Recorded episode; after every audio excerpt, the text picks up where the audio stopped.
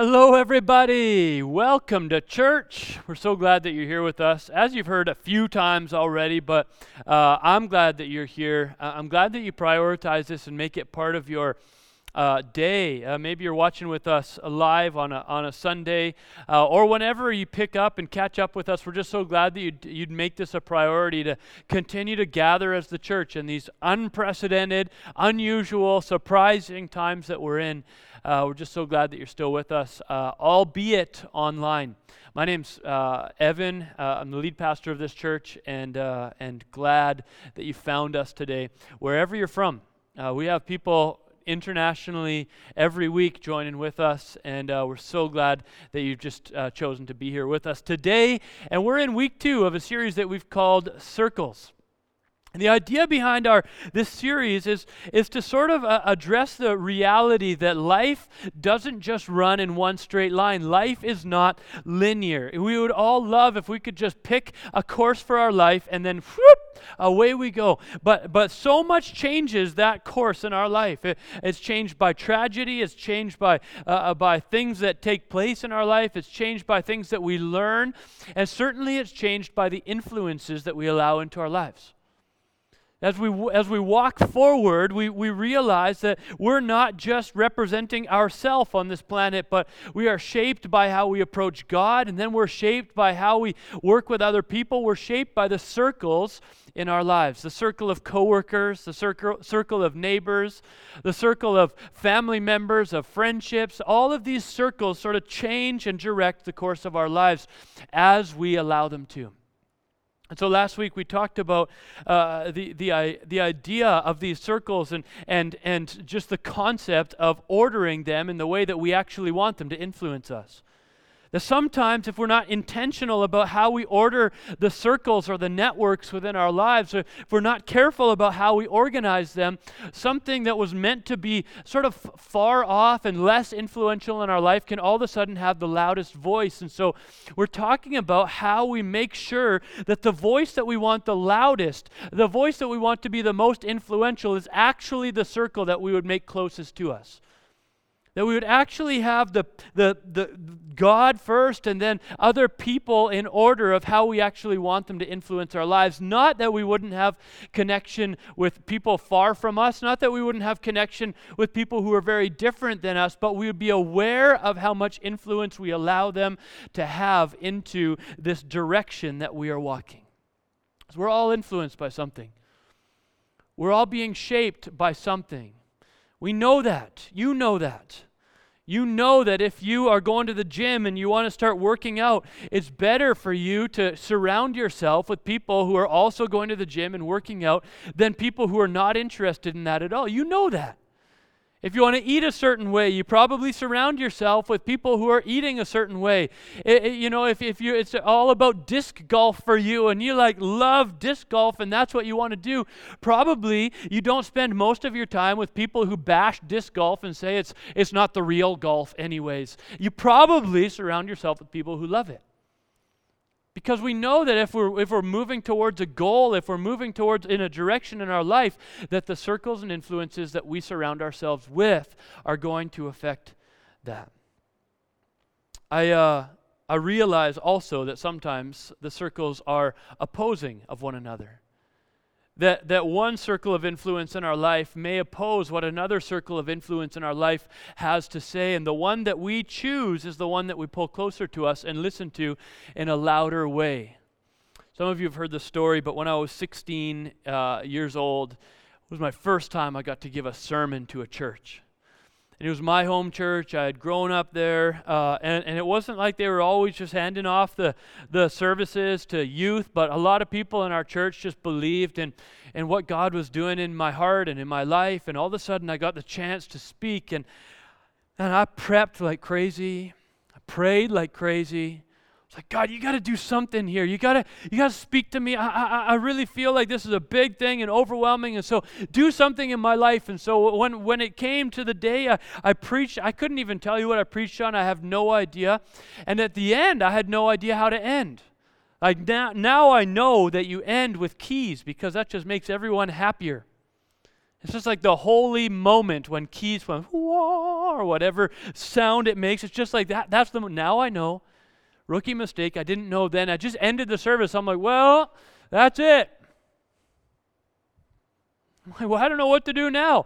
And as I finished, the room was kind of quiet, and just just right over in a, in a section right over here, this guy stands up, and he's a dentist and a board member. And he starts walking up. I'm like, oh, this isn't good. Going to tell me uh, uh, I'm a heretic and I can't come back to the church now. And this is the worst. Uh, okay. And I go down, I take some steps down towards him, and he comes. He says, You need to pray for me in front of the whole church. Like the whole church looking on. I'm like, oh man, I don't know how to pray for you. What would I say? How would I say? And I, I, was so like this just moment where I just reached out my hand, I touched his shoulder. The Holy Spirit must have been moving in my life. And I touched his shoulder and I say these, these few words that are used in Scripture, but I don't know if I would have known what they meant at that point. I said, Is my arm too short? And this guy just cries. He drops to the ground in front of me. I'm like, Great, now I killed the dentist and the board member. This is the worst. This is the worst day. This just couldn't have gone any worse. But no, he drops down and he starts crying, and he's moved by the Holy Spirit, by whatever I had just said, by whatever just happened. The Holy Spirit seemed to use it. All of a sudden, all these people are coming up for prayer, and all, all these people are wanting to. I'm like, what in the world is going on? And I've got elders coming up to me saying, Evan, you got to pray for all of them. God is moving in you, His anointing is on you. You got to go and pray for all these people. And so I'm just praying for all these people, not knowing what I'm doing, not knowing knowing what I'm saying, which is sometimes the best spot for us to be with God, by the way. And I'm just I'm just going for it. And after that, I had lots of people say to me and call out to me, say, God has called you to full-time ministry. You need to be, you need, he's anointed you, he's gifted you to be walking in full time ministry. And my response to that was, was never a, a, solid, oh, yeah, that's great. It was never a solid, ah, I don't want that. It was always, I just, I, I just don't know if that offers everything that I want in my life. I, I'm not sure if I get the security in that job. Will they offer retirement? You know, will I get the? What about weekends off? Will I ever get weekends off? No, not, I was just wasn't sure. So I have this circle of church people saying, uh, "You got to step into this," and, and God has called you. And I, I, believe God was in that. Actually, He was calling me. Hit that the circle of me and God was was leaning towards pulling me into full time ministry. But I had this other circle in my in my life at that point, which was my family. And some members of my family didn't respect the, that idea, didn't, didn't uh, think that that idea would make sense for a full time job. That's a nice hobby, but let's not think about that as your career. You better do something else. And so I, I had to decide which voice, which influence, which circle is going to shape the direction of my life more. At that point, I went with this circle, where the church circle and my God circle sort of had to take a back seat for a little while. So, you know what? I'm just going to go and pursue education. Nothing wrong with education. I'm going to go and pursue uh, teaching. Nothing wrong with teaching. I'm going to go pursue uh, this job. Nothing wrong with that job, except that the circle that should have had the loudest voice in my life was somewhere back burner. It got bumped a few circles out, and now the direction and course of my life was being shaped by a different influence in my life. Few years passed, and all of a sudden, this the the, the God circle in my life bumped right back to the middle, said, Choose me now. and I did. The rest is history. The reality is, in your life and my life, we're going to have these moments where we recognize that, that a circle that we, we had established as influential in our life is going to be challenged by another circle. Maybe our God circle is all of a sudden challenged by our friend circle where they say, Well, and maybe God said that to you, but don't you want, or wouldn't you rather, or if you could, don't you think He would want this for you? You know, that type of thing all of a sudden starts happening, and we start recognizing uh, that, that maybe there is some opposition right on our circles. Jesus was so clear with His circles. He was amazingly clear throughout all of Scripture that there's one person, one being that takes the central place in his life, and it was God the Father. That God the Son was going to listen to God the Father no matter what. And in fact, when he was 12 years old, very few stories of Jesus in his childhood, but we have this one from when he's 12 years old and he's on this family outing and his family loses him. For days he's missing. And finally they find him and he's in the temple listening to all these bright people and asking questions. So tell me about what you've learned about God. Tell me what you know about Scripture. Tell me what you've understood about walking in, in, in His power and uh, understand. You know, tell me about that. He's 12 years old learning all this stuff. And his parents came to him and said, Hey, hey, Jesus, what are you doing? Like your, your, your family circle was a few towns down the road. And why, why are you over here? And he says, I have to be about my father's business. I know you're my family, but this is my Father. This is God. This is the one who I have to listen to. So, from very early on, he was walking that way. we see that later on when he's even going to choose his disciples. He's going to choose who his second circle is, his second most influential group of people in his life. He spends all night praying to the Father Father, before this big decision, I just want you. I don't want to make this decision based on who's most popular, who could move us forward, who's best with the finances. I don't want to make I don't want to make this decision based on who's the toughest security guard for me. I want to make this decision based on your heart, Father. I want to learn from you when he's going to be killed and take on the sin of the world. He goes to the and he just prays. He says, "Father, Father, uh, this is, the, this is the most critical moment in my life. I could be doing anything. I could be hightailing it out of town. I could be building my case. I could be trying to protect myself in this time. But instead, Father, I just want to get to this place where, where you've called me to this, and I want you still to be the biggest influence in my life, in the hardest point in my life. So, Father, I'm seeking you first and foremost. When Jesus was mourning the beheading of his cousin, says he wanted to get away to be with the Father. He wanted to tuck away because he wanted to mourn with before he, he walked with everyone else. Some people might have tried to influence him, say, Let's go take down Herod. Let's go take out those who killed your cousin. But Jesus wanted first to go to the Father and say, Father, influence every decision I'm about to make because there's going to be a lot of other influences coming at me. And so I want to learn from you. In John 5:19 it says Jesus gave them this answer, "Very truly I tell you, the Son can do nothing by himself. He can do only what he sees his Father doing, because whatever the Father does, the Son also does."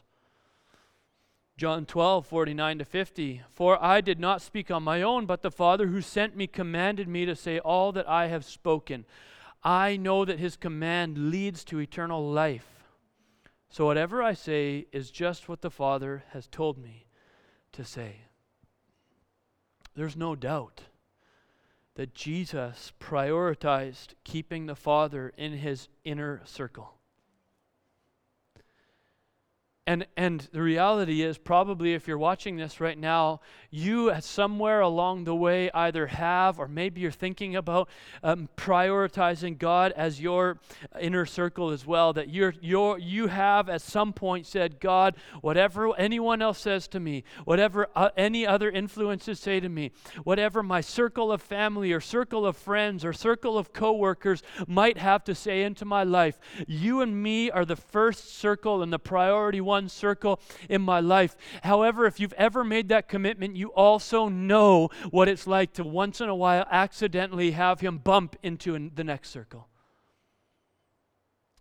And, and, though he used to be center, he used to be the inner circle, he used to be the only place you'd turn, and his opinion used to be the only one that mattered to you, sometimes all of a sudden you can see something else has crept in along the way. And so, Jesus, when he starts his ministry, when he's 30 years old, starts in such a key way for us to recognize.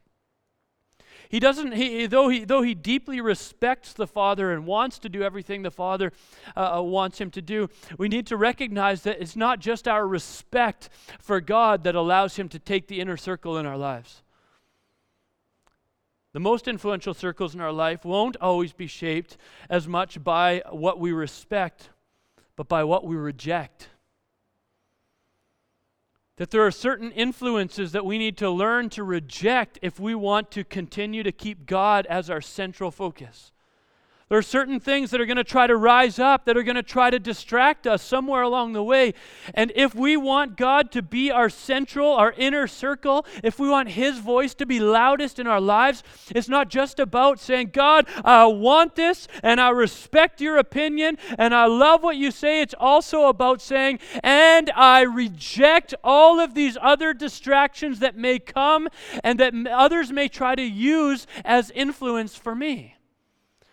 Because maybe at one point we had God as our inner circle, and then our next most influential circle was this group of friends. And the group of friends all hung out and it was all good and, and it was great. And in fact, sometimes they even pushed each other towards God. And then something shifted. Maybe someone got a job or a promotion or started making a lot of money. And, and soon the, the pull to money started coming in so hard that people started giving up their calling to God and saying, you know what? I didn't really need to do that pastoral minute. I didn't really need to do that Bible school. This job pays a lot more. This is, yeah, let's just go, boom and we just bump our inner circle. Oh, I still love God. He just doesn't get to say the direction of my life. He still has a say. I, I, still like what he has to say. I like reading the Bible and having it shape me a bit, but I'm going to I'm going to read the Bible through the lens of I better make sure that I have enough money or I get to do enough fun things, or I have enough popularity. Sometimes the influences, the, the circles that speak of those things become our central focus, and God takes a bump out and out and out. And so when Jesus started his ministry, he had to not just respect God to put him in his inner circle, he had to reject some other things. In Matthew 4 1 to 11, that happens. He goes and gets baptized, and then it says, Then Jesus was led by the Spirit into the wilderness to be tempted by the de- devil. And after fasting 40 days and 40 nights, he was hungry, and the tempter came to him and said, if you are the Son of God, tell these stones to become bread. You know, if, if you have that relationship with God, if He loves you that much, come on, you're hungry. Turn these stones into bread. You should be able to have what you want. If God loves you, you should be able to fulfill the desires, the, the, the, the hungers. You should be satisfied if God really loves you. Shouldn't you? Shouldn't you be satisfied? You can see where the devil starts to speak into our life. Shouldn't you, let, us be honest, if God really loves you, shouldn't you have enough money? Well, hey, hey, hey, if, if God really loves you, shouldn't you be allowed to do what you want in the area of drinking or what you consume in your body? Uh, what about within your, your sexual desires, with, within the relationships that you have? Shouldn't you be allowed to, to satisfy yourself if He really loves you? And Jesus says, It is written, man shall not live on bread alone. In other words, the, the physical satisfaction of myself is not all that I need, but on every word that comes from the mouth of God. If I have to choose between physically satisfying my fleshly desires and, and having my soul satisfied by God every single time, I will reject the fleshly desires, Jesus says. We're all going to have them. What are we going to do with them? It's not just that we respect God that allows Him to sit in our inner circle, it's that we would reject the, the, the need to be satisfied the way we think we should be. I say, but I'm hungry. I, I, I, just, I just want what I want. Feel, I felt, feel the Holy Spirit speaking to me for a second to married couples. There's going to be times, married couples, when you feel like your partner is not fulfilling what you need, is not meeting your fleshly desires. And your decision to make God your inner circle your number one, the one who directs your life, is a decision at that point to reject your need to be satisfied in your flesh and, and submit to your need to be satisfied in your spirit and your soul. Your wife or your husband cannot satisfy your soul. So choose the satisfaction of the soul. Reject the sin that comes with being unsatisfied in your flesh. Then the devil took him to the holy city and had him stand in the highest point of the temple. He said, If you are the Son of God, throw yourself down, for it is written, He will command His angels concerning you, and He will lift you up in their hands, so that you will not strike your foot against a stone. And Jesus answered him, It is also written, Do not put the Lord your God to the test. In other words, he says, "Listen, I offered you I offered you your fleshly desires, you rejected them, but maybe, just maybe you want a little fame. You want a little power. Wouldn't it be great for people to know that you can fall off uh, uh, buildings or mountains and you won't be hurt because God will catch you. Imagine how many people would love you and admi- admire you because of that. Imagine what would happen. And Jesus knows if I do that, and this isn't God's choice to save me or rescue me, then actually I'm soiling His name. And so I'm not going to do anything to try to glorify my name at the potential risk of His name. So, no. Power and fame are not worth the cost of defaming his name. Again, the devil took him to a very high mountain and showed him all the kingdoms of the world and their splendor. All this I will give you, he said, if you will bow down and worship me. And Jesus said to him, Away from me, Satan. For it is written, Worship the Lord your God and serve him only. Later on, Jesus is going to say you can't serve two masters. You cannot serve God and money. Doesn't work. Oh, I got to keep a good budget.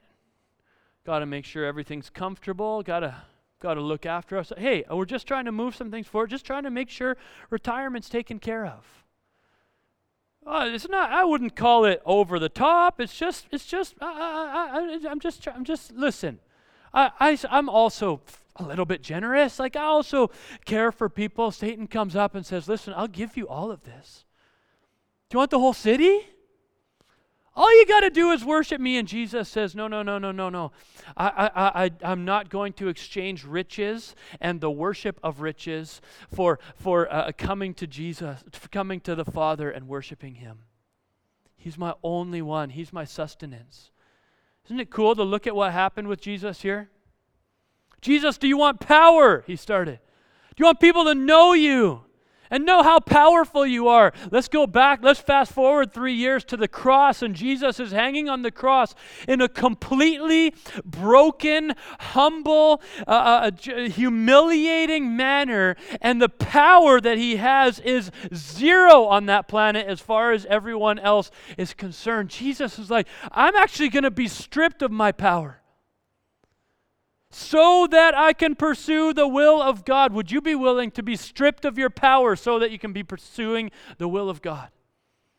Next, uh, uh, uh, or then, then he also comes to him and, and tries to satisfy his fleshly desires. Hey, why don't you just allow, listen, God gave you hunger, you should be fulfilled. God gave you a sex drive, you should have that taken care of. You should be satisfied. Come on, God wants this stuff for you. Imagine Jesus said, Oh, yeah, no problem. No, Jesus didn't satisfy his flesh. In fact, he allowed his flesh to be torn up and beaten and broken for you and me. Because at this point, he said, I will reject my flesh and the desires of my flesh every single time if they get in the way of God the Father being my inner circle. Then the last one do you want riches? Jesus. Do you want to have lots of money? Jesus, the Son of God, God in flesh on this planet said of himself, I don't even have a bed.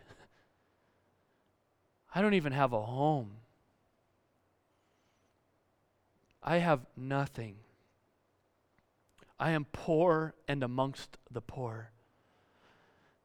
Because of that, he was set up that whenever riches had the potential of getting in the way, he had rejected them long ago and said, These will not be worshiped by me at the cost of bumping God out of my inner circle. My life will not be directed by finance as much as it's directed by God. Then the devil left him, and angels came and attended to him, which was one of the most beautiful pictures in the whole Bible. Don't you want to be attended by angels? Wouldn't that be awesome? Angels come and dust him off and heal his wounds, feed him, look after him and empower him now. Now, not you don't just respect God, but you've rejected all of these things. Now we know that God is not going to be bumped. God the Father will not be bumped. That his voice will not just be most influential, it will be the only influence in your life. And after that, all of your circles will be ordered in how you see them through the first circle that is through God. I want to bring up, I want to tell you two little testimonies within our own church just so you can have a little picture of what this sometimes look like, looks like in life. The first one is uh, for Chris, is, is my friend Chris Clark. Chris lived uh, and her husband have, have lived uh, a life and wanted to serve the Lord. Came to came to the Lord not as babies didn't grow up in Christian homes, but but all of a sudden gave their lives to Jesus a little later on. And at that point, really started to serve him in a number of ways. One, by fostering kids, bringing them into their home. Two, by adopting uh, uh, and, and caring for kids that were not theirs, that, that they brought into their home and loved and cared for and developed and grew up in an incredible way. They decided that they didn't need to live in extravagance, that they would live, in fact, for these, these kids that needed them. They, they, they would care for those around them. Well, as they're in their later seasons of life, I'm just so encouraged because Chris and Bill still uh, lead prayer time at 6.30 a.m. and continued to through COVID while we do it on Zoom. 6.30 a.m. Tuesday morning, they continue to lead prayer. It's an amazing thing to see. They're in their later seasons of life. Then this uh, last week, week or a week ago, I was at kids' camp the very last day. And I see Chris is there. I say, Oh, Chris, what, what are you doing? This is awesome. She goes, Oh, I just love this. I love the kids. I love the crafts. So many people who would, who would be choosing to serve themselves in that time. So many people who would be choosing in that stage of life to say, you know what, time for me to settle down and, and be done with this. No, there she is, ready to run with crafts. Well, I pop into the room after she's done crafts. I say, How was it? She breaks down and starts crying. She says, I love these kids. They're so beautiful. She shows me the gift that one of them's given to her. You know, I pray that I will have any amount of that level of joy in just caring for people, for kids, and for God's kids at that stage of life. Chris, I love you. Chris and Bill, we love you. Proud of you. Thank you for giving us something to shoot for when you decided to keep the Father at your inner circle the Father as your primary influence and rejected the other things that may have distracted you from it. A life well lived. Thank you for continuing to live it. The other one I want to share about is my friend Andrew. Andrew, who runs our sound and lighting. And many of you would know Andrew.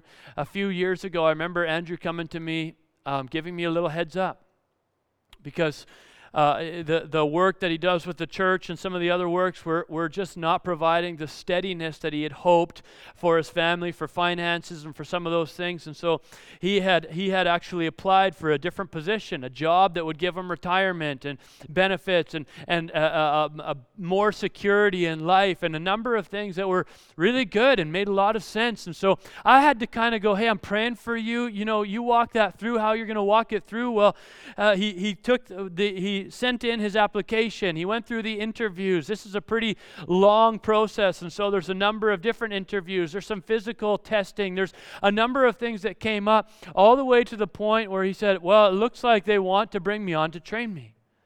It's the final stage to, to, to enter in. And he realized that entering that may mean that he'd have to move to another city or he might have to give up some of the things that he's doing at the church. And, and uh, he wrestled with that and tried to figure out what to do with that. And I just tried to stay back and let him make a decision, just prayed for him and his wife and their family. And uh, eventually he came up to me. We sat right on the side of the stage here, actually. He said, Listen, pursued that because I, I, felt like there was some security there. I felt like there was something steady there. It would provide more than what I, what I have right now. He said, But I, I cannot imagine giving up the call that God has on my life to be part of what's going on right now with Northgate in this church. And so I'm, I'm rejecting it.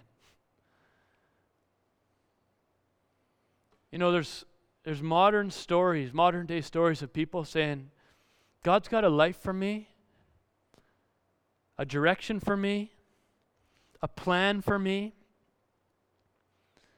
Now, I, I could run my plan and it would probably be a straight line from here to the end and it would be great, but God's going to have interruptions. He's going to have me shaped by this circle and that circle. He's going to have me interjected with this friend group and this neighbor group and these coworkers. And I'm going to have surprise visitors showing up into circles uh, that, that have trauma that I didn't know about, people that I, I, I just bump into in the street that I have to care for. But at the very beginning, he says, But can I take up the center circle of your life? life. Can I be in that, that, that, that, that inner circle in your life? And we have people in our church, many people in our church, who have said, God, the plan you have for me is not the plan I would have for myself. The direction you're leading me is not the direction I would choose in my own life. I would have it look different. But if that's what you want for me, I will reject every other life so I can live the one you have for me. And if that means the riches won't be mine, if that means my flesh won't be fulfilled the way I want it to be fulfilled, if that means power and fame will not be me, but my life will cause power and fame to come to your name, then so be it. I'll live it. And so the question for you, how I want to wrap this up, is just ask you Will you allow him to be your inner circle? You know, last week we, we, we talked about the order of these things in, in a very similar way. Just said, would you allow that to be the case? Look, throughout this whole thing, we're going to look at the circles of life. I, am looking forward to talking about the different circles that Jesus had in his life. Next week, we're going to move on from the God circle. But here we are, and I want, I want to know what, what do you need to reject so that you can uh, stand in the circle with the one that you respect? God the Father says, I love you, I made you, I value you, I've got a life for you. You say, That's great, God. I want that life, but I also want all of these other. No, no, no, no.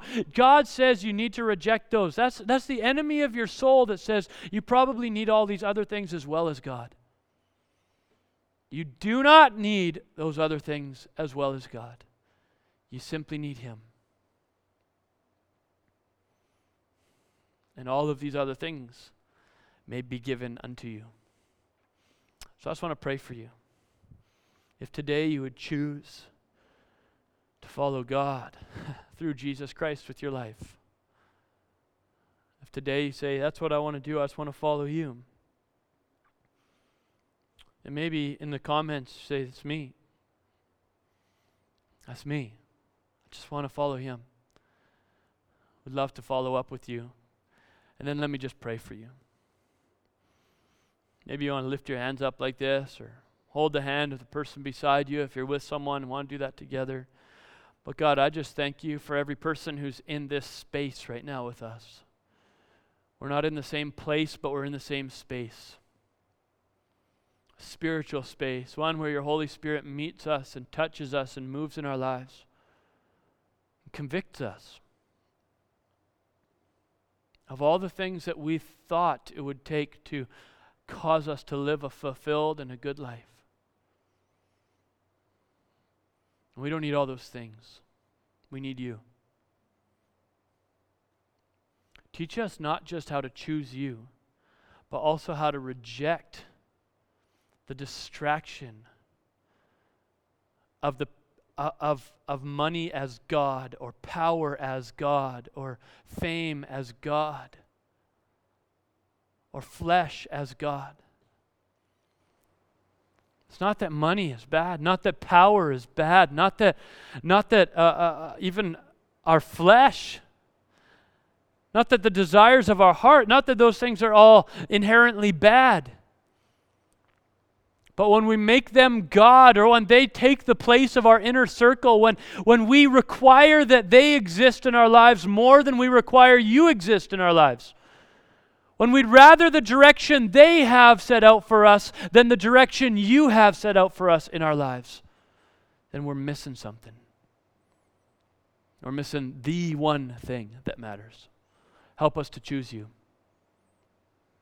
And today, as we do, I just pray as we reject all of those other things in our life, I pray that we would experience the ministry of angels just like you did, Jesus. Dusting us off, saying, Good job. Now carry on with the task.